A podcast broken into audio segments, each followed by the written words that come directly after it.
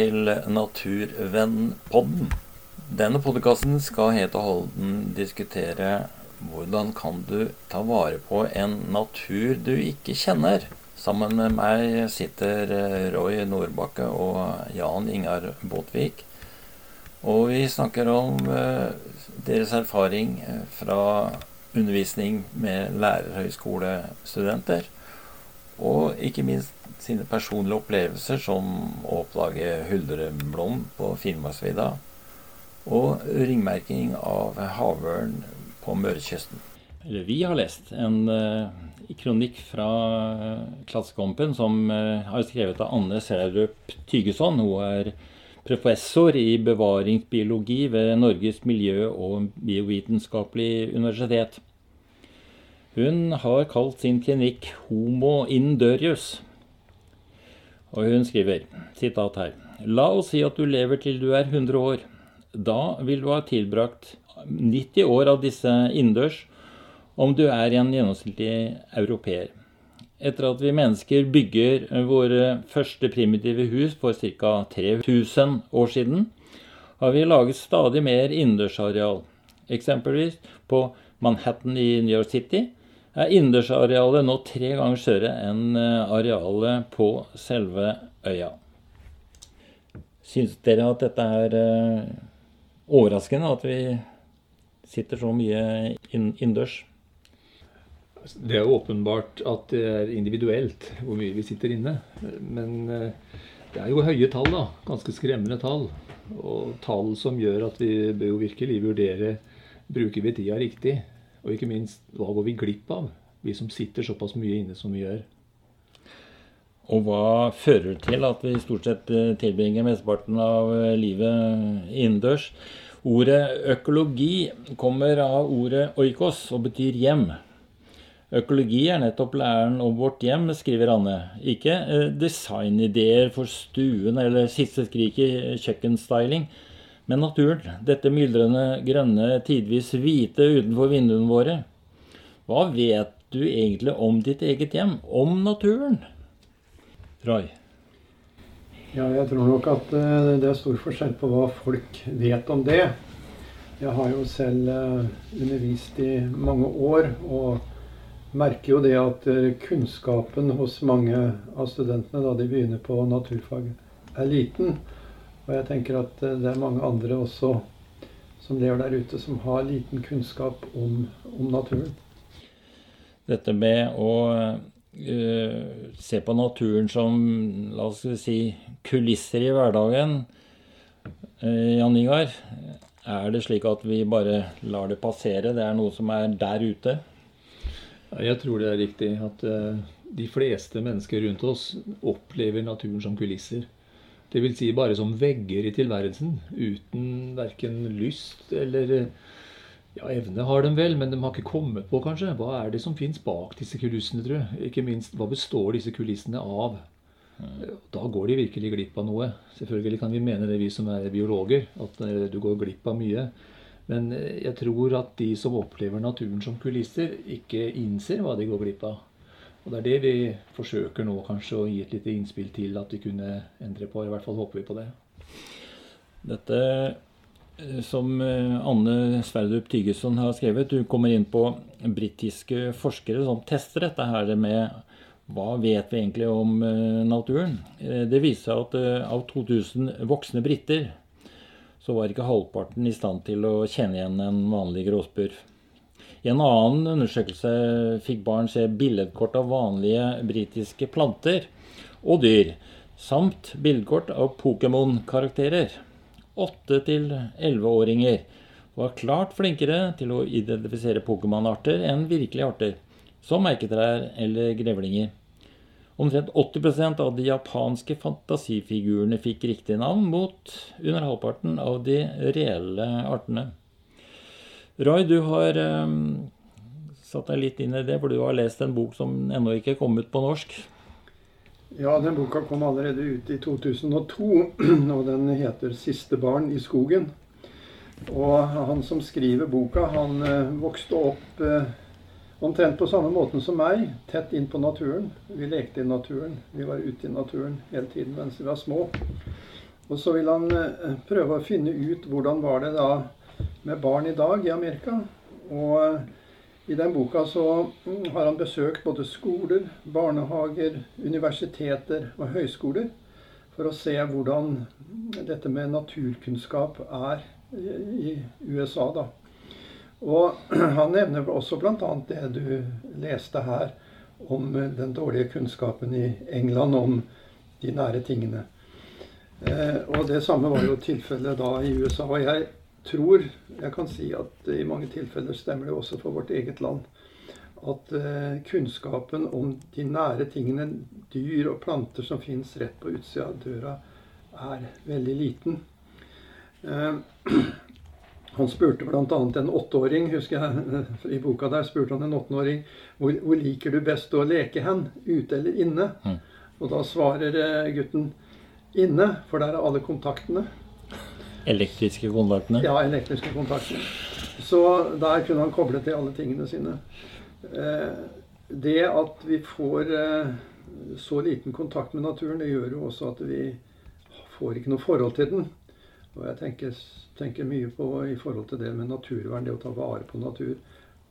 Om vi, om vi kan ta vare på det vi ikke engang vet om, da. Men redsel for å gå virkelig ut i naturen, er, er, folk flest litt redd for å bevege seg ut der uh, kanskje litt utenfor den brede vei eller sti? Jeg sliter mange med fobier? Skal ikke ta det så veldig langt, dette med å redd for å møte på ulv eller elg eller veps og bier, for den saks skyld.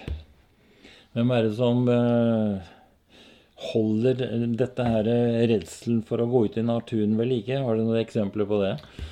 Altså jeg er helt sikker på at både Roy og jeg har eksempler på det. Fordi vi har hatt med studenter å gjøre på flere nivåer her. Og mange av de har jo vært vant til å sitte så mye inne og har fått med seg så mange rare forestillinger fra omsorgspersoner som de har vokst opp sammen med. Enten det er i barnehagen eller det er foreldre eller slekt og venner at forestillinger om det som foregår ute i naturen, kan føre til eh, redsel for f.eks. å overnatte ute. Mange studenter, mm. og ikke bare studenter, men folk flest kanskje, har, er, har en angst for å sove ute i naturen. Uh, og det kan være uh, altså når Fobier, da styrer det jo livet. En ting er redsel, en annen ting er angst Nei, en, en annen ting er da fobier.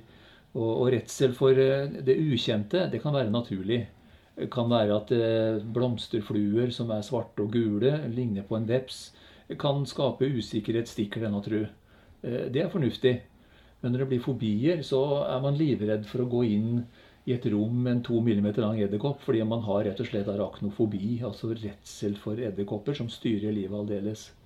Som da sikkert eh, ja, foreldre altså Det har blitt lagt ned i dem i løpet av det livet de har levd som fordommer, og som altså kan utvikle seg til en skrekk for, og som styrer livet deres.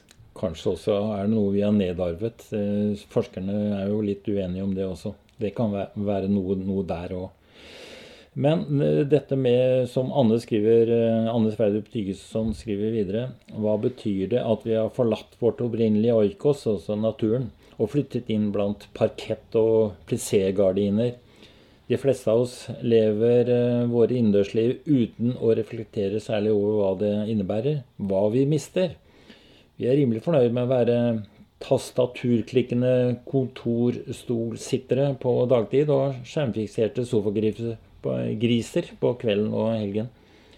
Dette digitale diktaturet er kanskje et uh, stikkord? Ja, jeg er jo såpass gammel nå at jeg vokste opp under helt andre forhold enn det som er i dag. Eh, det var jo slik at når jeg var liten, så eh, ble vi hysja ut. Ut og lek. Mm. Ja. Og da var vi jo ute og lekte, og vi tilbrakte jo da mesteparten av fritida vår ute. Mm, vi fiska, og vi fanga dyr, og vi bygde hytter og holdt på. I dag så tilbringer jo barna veldig mye av tiden sin eh, foran tastaturet eller mobiltelefonen. Bilene har overtatt uh, gata, og parkene er bare blitt færre og færre. Løkkefotball. Nei, løkkefotball er eh, en historie. Nå er jo alle med i et lag nå. Ja. Så, og trener og det hele. Så det er veldig, veldig forskjellig. Men, men, mitt poeng er først og fremst at uh, den naturlige leken ute, den er blitt mye mindre av enn det, nå i dag enn det var før. Har du noe å føye til? Ja, altså det, det, gir seg jo også eh, Skoleverket er jo mindre og mindre opptatt av det å reise ut i marka og se på den ekte naturen. Mm. Det handler litt om å spare penger, selvfølgelig, men, men eh, jeg, det minner meg veldig ofte om en reisebrosjyre eh, hvor du får beskjed om at du må reise til Thailand f.eks., eller det kan være Middelhavet hvor som helst. Hvor du altså får en brosjyre, for nå skal vi ikke lenger ut og se på naturen. Nå, nå skal vi lese om den. Altså, vi, det gis ikke ressurser lenger til å komme seg ut i naturen slik som vi er vant til, og som vi har så god erfaring med, og som studentene bare elsker. Det å komme seg ut i naturen og se på det ekte livet som leves der ute. Men eh, en reisebrosjyre det handler rett og slett om at du får, eh, gjerne digitalt, et, enten et papir eller en, en, skjerm hvor det står noe om dette i, eh, på skjermen da, eller på papiret. Eh, sånn og sånn er det der. Det, det er eh, sånn og sånn er mat der, og sånn er ting som folk er stolte av der. Men det blir noe annet å reise dit. Veldig forskjellig. Hvor det lukter, og hvor du kjenner på varmen, og hvor du kan smake maten og snakke med de som bor der, og som har ting de er stolte av, som de gjerne vil vise deg. En helt annen opplevelse enn bare å lese denne reisebrosjyra. Mye av dagens fagplaner minner litt om en reisebrosjyre. Og igjen dette digitale diktaturet, hvor eh, en tror at dette er løsninga på måten å drive formidling på. Mm. Eh, vi syns det der er skremmende. Ja, Roy? Ja, jeg kan jo nevne Jeg har jo noen sånne eksempler da, på, mm. på, dette med å undervise ute, hva det gjør for noe. Eh, jeg vil nevne ett spesielt eksempel. Det var eh, For en god del år tilbake så var vi på padletur med studentene. Skulle være ute hele uka og ligge ute. Og vi var oppe ved Store Le, på grensesjøen mot Sverige her. Og på kvelden da så var det klarvær. Det var, dette her var i september, så det var ordentlig mørkt. Mm. Og, men det var mye skog der, så jeg foreslo at vi satte oss i kanoen og så padla vi midt ute på sjøen, slik at vi fikk mest mulig eh, himmel å se på. Og så satt vi der ute, og jeg hadde med en sånn laserpeker og pekte opp på de ulike stjernebildene og fortalte om dem, og fortalte litt om avstandene der ute. og ja, vi så hele denne veldige stjernehimmelen eh, foran oss. Og så, eh, da vi var ferdige, så skulle vi padle inn igjen. Og jeg satt i kanoen sammen med en av mine studenter. Hun satt eh, foran meg. Og så sier hun plutselig på vei mens vi padler inn Vet du hva, Roy, sa Nå ble jeg så interessert i det med stjernehimmel. Det har jeg virkelig lyst til å lære mer om. Og det tror jeg ikke jeg hadde klart å få til med en powerpoint. Det var den opplevelsen å sitte under den ekte stjernehimmelen ute på et vann i mørket, det gjorde noe med henne som jeg aldri kunne ha klart på annen måte. Og Hvordan gikk eksamen med henne? da? Eksamen gikk glimrende. Hun var heldig og trakk det. Det var muntlig eksamen. Hun trakk spørsmålet om, om hun kunne fortelle om stjernehimmelen. Hun hadde et ark foran seg og tegna inn samtlige av de store stjernebildene. Så det var sånn at sensor spurte meg etterpå åssen i verden har du klart å få til å lære alt det der. Ja, jeg har hatt henne med ut, sa jeg. Og jeg tror det er noe som eh, Jeg har også mange andre eksempler, men, men dette var kanskje et av de mest tydelige mm. på at det gjorde noe med henne. Mm. Dette punktet som eh, Anne har skrevet om også eh, i sin kronikk, som heter Hvilke konsekvenser er det å være homo indørius? Altså, én ting er at fraværet av natur kan gjøre oss syke. Flere hypoteser peker på at kontakt med natur i form av jord, planter og dyr er med på å bygge vårt immunforsvar. Det er også stadig flere studier som underbygger betydningen av å være aktiv i friluftsliv og grønne omgivelser for psykisk helse. Jan Ingar, du har noe tankevekkende rundt det? Ja, jeg har jo undervist i tema psykisk helse i 20 år på høyskolen. Eh, nå er det selvfølgelig en hel del av temaene der som, eh, som, eh, ikke passer helt inn i det som vi leser om her. Men i hvert fall dette her med nærkontakt med naturen er mer og mer poengtert som en vesentlig del av det å være i psykisk balanse. Komme seg ut i naturen. Jeg tror at svært mye av den tablettbruken som mm. folk som, er, som sliter med, med, sin syke og sitt liv, kunne vært spart ved rett og slett aktivitet ute i naturen. Det handler både om fysisk aktivitet, for det, gir, det gjør oss veldig godt. Og mange av oss er jo altfor lite fysisk aktive. Det sier litt om denne prosenten med å sitte altså in endørius. betyr at det, det er ikke så veldig mye fysisk aktivitet ute og går. Det er mye stillesitting. Så er det jo sånn at eh, der hvor folk eh, blir skrevet inn eh, for å jobbe med sin syke, bruker mye tid på å gå ute i naturen. Og Hvis du har noen med som kan litt om det også, så er det en veldig fordel å sette litt navn på det som du ser rundt deg. Enten det er fugler eller planter eller insekter. kan være veldig positivt for den psykiske stabiliteten. Det som eh, også jo er, at eh, det å kunne litt mer gir deg vel også en dypere glede. Altså hvis du vet mer hva du ser rundt deg, gir vel en dypere glede og, eh, ved opplevelsen. Absolutt. Det, sånn er det jo også. At jo mer du kan om en ting, jo mer eh, føler du at eh, det gir deg noe. Eh, og så er det et poeng med at skjønnheten i naturen er ofte undervurdert i i både bokverk, eh, kanskje ikke i film, men særlig i det som er skrevet. Eh, det er så nøkternt, det er så tørt. Det mm. er eh, beskrevet vitenskapelig. Men skjønnheten i, i det blir ofte undervurdert. Jeg har ofte brukt sammenhengen med et maleri, hvor en kan gå inn og vitenskapelig måle og veie lengde, bredde. Og hvor tungt er maleriet? Hva slags farver er det som det består av? Hvilke nanometer er det som reflekteres ut av de, blandingene som maleriet består av. Eh, hvilken kjemi er det som fargene er laget av? Altså Dette her går an å gjøre vitenskapelig. Men da mangler du evnen, kanskje, til å gå på tre meters avstand og se Men i alle dager, har du sett? Så vakkert dette ser ut sammen. Og Litt sånn kan det fort oppleves å komme seg ut i naturen og se på sammenhenger sammen. Istedenfor bare å ta én og én tørr art i en brosjyre eller på et digitalt uh, en digital side om, det, om, natur. Du må ut og se og føle. altså. Da blir skjønnheten veldig åpenbar. Noe som eh, etter hvert da i vår materialistiske verden er en mangelvare, det er stillhet. Eh, gå ut og bare høre ditt eget eh, hjertebank og blod som suser i årene. Hva sier du til det, Roy? Har du mange fine opplevelser av stillhet? Her i Østfold er det veldig vanskelig å oppleve stillhet. Ja. Jeg, har, eh, jeg, har, hatt litt sånn hobby å ta opp fuglelyder på, eh, på, opptakeren min. Og eh, det å få opp en ren fuglelyd uten at du hører et eller annet motor, det er nesten umulig. Det er den eneste dagen jeg klarer det, det er veldig tidlig søndag morgen.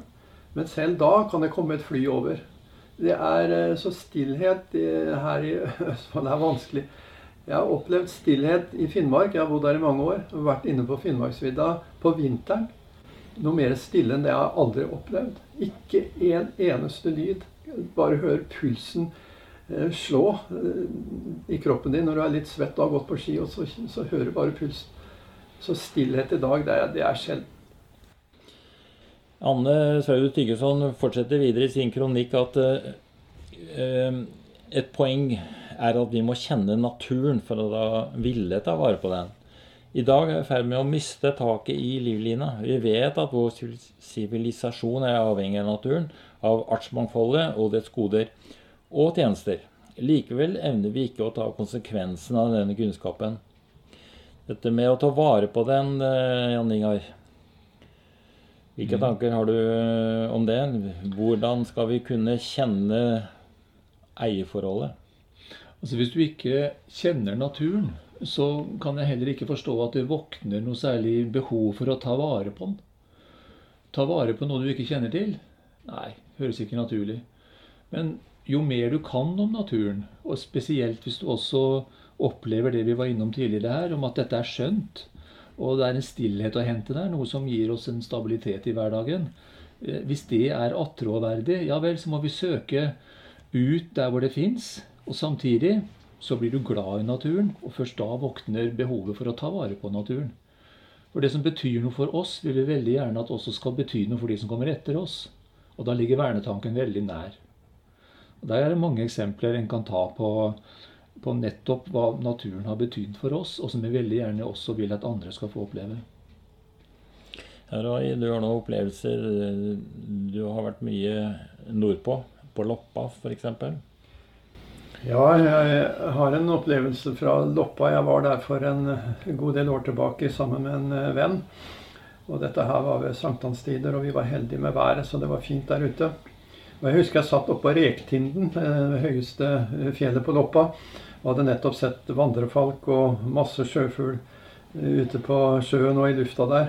Så får jeg se Hurtigruta komme kjørende i sundet mellom fastlandet og Loppa. og og så tenker jeg på de folka som sitter inni der nå. De ser jo disse flotte fjella, og de ser eh, sneen oppå der. Og, men de opplever jo ikke det jeg opplever. Jeg sitter her og kjenner det lukter eh, godt av vegetasjonen, og, og jeg hører fuglelydene og, og, ser alle fuglene som flyr rundt i lufta. Eh, det er nesten som om de sitter på en måte og ser på video. Og Jeg har et artig eksempel der også, for jeg kan nevne en kamerat av meg har fortalt han å sitte på toget fra Bergen til Oslo. Så kom de over Hardangervidda, satt sammen med en amerikaner. og så kom vi i prat med. Og så plutselig sier amerikaneren og ser ut av vinduet, passerer forbi Hardangerjøkelen og sånn, så sier han 'just like video'. Ja. Så for han så var liksom naturen det var video, for der han har sett naturen før. Så det bare forteller hvor, hvor fjernt man kan komme fra det. da. Du har drevet og undervist uh, i Alta, og du har vel også vært ute med elever der oppe? Eller studenter, heter det vel da kanskje? Mm, jo da, jeg har vært mye ute med studentene. Men jeg vil nevne en sånn mer personlig opplevelse. Det var jeg og kona som var ute på sopptur eh, i august en gang. Oppe i Gormotvombe, som det heter. Og lette mellom store, gamle furutrær etter sopp. da. Og plutselig så ser jeg en liten blek blomst som står der. Og jeg så jo at det var hundreblom.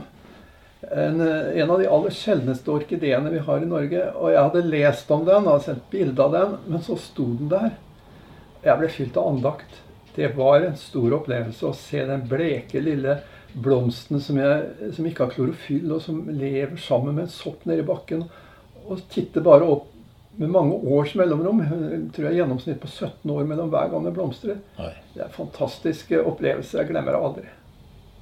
Det blir fylt av andektighet eller andakt. Jan Ingar, du har vært ute på ringmerka Havørn, der du egentlig kommer fra? Ja, det, jeg har drevet en del med ringmerking av fugl. Eh, jeg har lyst til å kommentere bare en lille historie til Roy der om denne huldreblommen. For det handler om at han hadde kunnskap fra før om huldreblom. Mm. Visste den var klorofylfri, visste den kunne stå her, mm. og plutselig så står den rett foran. Og det er en kjempeopplevelse for, eh, for, oss som jobber med biologi, for det er veldig mye av den kunnskapen vi har i bakhuet. Eh, og vi har lest om dette i bøker, og vi har sett og, og kan selvfølgelig mye om de artene da. og eh, og går og bærer med oss en kunnskap. Og plutselig en dag så er denne der. Da trenger ikke vi noe adrenalinkick utover det. altså. Det er en utrolig sterk opplevelse. Men du Tore var innom en historie om en havørn. Mm. Ja, jeg må kanskje ta den, selv om det, det, også er et eksempel på en praksis som jeg ikke anbefaler å, å følge for andre, faktisk. Og kanskje heller ikke for meg sjøl, men det var en litt spesiell opplevelse jeg hadde på Trøndelagskysten. Jeg har drevet og klemt ring på en del havørner. Eh, både metallringer og plastikringer, så det skal være lettere å følge med på, på deres liv og levned. Og så var jeg ute i robåt for meg sjøl, med en liten poenger på riktignok, eh, og tar meg da i land på et skjær ute på Frøyakysten, hvor jeg vet det var havørn. Har vært der i mange år. Og der eh, var det én unge, ganske stor eh, havørnunge, da. Så må jo være ganske stor for han kan få denne ringen. og den møtte meg da, kommer gående imot meg med vingene ute og klapper med nebbet og åpenbart fryktinngytende. Og jeg var kledd i en eh, vanlig, god arbeidsdress, og så begynte det å regne. Og jeg hadde ikke regntøy. Mm. Uh, og det regna ikke med måte. Det var sånn skikkelig sånn floingsregn, vi, vi, kaller det på Trøndelagskysten. Hvor det, det, går ikke mange minuttene før du er gjennomvåt. Og uten regntøy da, hva gjør jeg nå? Havørna ligger jo foran meg der, nesten flyvedyktig, med digre vinger for å se ekstra skremmende ut. Så jeg tenkte ja, du blir ikke våt. Nei. Nei. Skal jeg rett og slett krølle meg sammen og krype innunder den digre havørnvingen? Altså Det er slik man helst ikke skal gjøre for jobben når man driver med ringmerking. Det er eh, fort opp på skjæret, gjør jobben så fort du kan, måle, veie, og så skal du forlate dem i, som mer eller mindre uten at de nærmest vet at du har vært der, og så går ferden videre. Men jeg la meg altså da under denne digre havørnvingen. Eh, og det regna ikke med måte. Eh, men jeg ble akseptert som en, en slags bror eller noe. Ja. Og ørna klapper jo med nebbet og lager noen kaklelyder. Ganske kraftige kaple, eh, sånne klaprelyder som havørna har. Og jeg svarte med samme mynt. Samme ja. kaklelydene tilbake. Og vi så på hverandre inn i øya, og jeg la meg tett inntil den. Og jeg var jo tørr, for den vingen, den, den dekte helt meg, altså. Som kunne ligge der sammenkrøpet under den vingen. Slik lå jeg en time, faktisk. Da var du i ett med naturen. En veldig sterk opplevelse å ha denne nærkontakt med denne ørna. Så om den skjønte at den uh, verna meg der, eller hva den forsto, det, det, kan jeg ikke svare for. Det var kanskje mest instinkter som, opp, som opplevdes uh, den dagen av denne ørna, om at den ikke helt skjønte hva, hva gjør jeg med denne raringen som la seg innunder vingen. Og den blei liggende stille altså da, med denne ørna, ørnevingen bretta ut over meg. Og etter en time så, så slutta det å regne, i hvert fall nesten. Eh, og i løpet av den timen hadde jeg selvfølgelig greid å lirke fingrene under, og den fikk ring på begge føtter, og merka det nesten ikke sjøl. Ganske sikkert. Og idet jeg da dro derifra, så la jeg bare ringen på plass og på ryggen på han. og den kokla som takk og farvel, og jeg gjorde det samme. Og så krøp jeg ned i båten igjen og fortsatte turen. Veldig sterk opplevelse med sånn nærkontakt. Det er helt unik så. opplevelse. må jeg si. Det er vel ikke mange som har opplevd tilsvarende, men det går jo an å få kanskje et små, mindre opplevelser helt i nærområdet uten at man må ut og fange eller merke uh, havørn. Anne Sverdrup Tyggeson henviser denne rapporten fra Naturpanelet. Vi trenger en gjennomgripende samfunnsendring for å sikre gode liv for etterkommere. En endring på flere plan. I hvordan vi forbruker arealene og ressursene rundt oss, men også en holdningsendring. Vi må innse at et meningsfylt liv ikke betyr et liv med stadig økende forbruk. Vi trenger også å komme oss ut å se og kjenne og lytte og lukte, puste og smake og føle.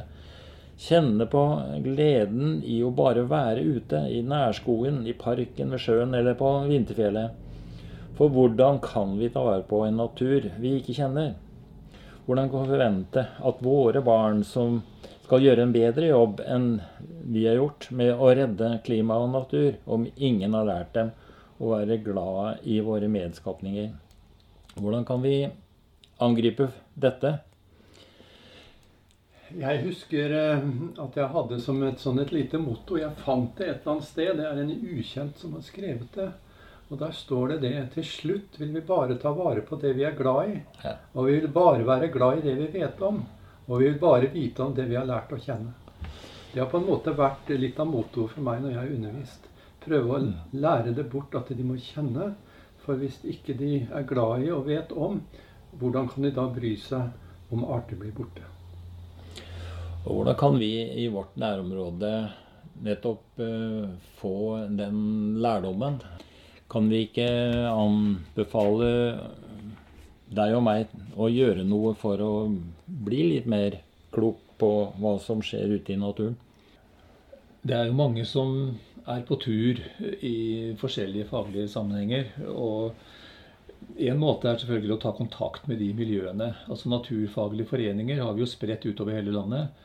Eh, fugleforeninger er det kanskje flest av. Og så har vi jo Naturvernforeningen, Naturvernforbundet, eh, har jo turer og, og, driver jo med å prøve å få folk ut og prøver å ta vare på den naturen vi har da. Og ikke minst spre kunnskap om den. Så bli med på tur. Og vi har uh, turlag som ikke er spesielt opptatt av arter, kanskje, men i hvert fall komme seg ut og oppleve og se. Det skal man ikke undervurdere verdien av heller. Og så er det da de litt mer profesjonelle foreningene, hvor det kan stedvis være vanskelig å komme inn under eh, skal vi si, eh, kunnskapsnivået, som er veldig høyt i en del av de foreningene der. Så, men at man i hvert fall forsøker å knytte kontakter med de som, er, eh, som har noen pedagogiske evner, og som tenker at det er lurt at det kommer noen etter oss, og skal prøve å spre den kunnskapen de sjøl sitter på, til, til flere. Så får vi spørsmål ofte om Si meg, skal vi ta vare på natur vi ikke ser? Ja, og, er, og da syns jeg et passende svar kan være at Men vi forvalter jo fiskebestandene.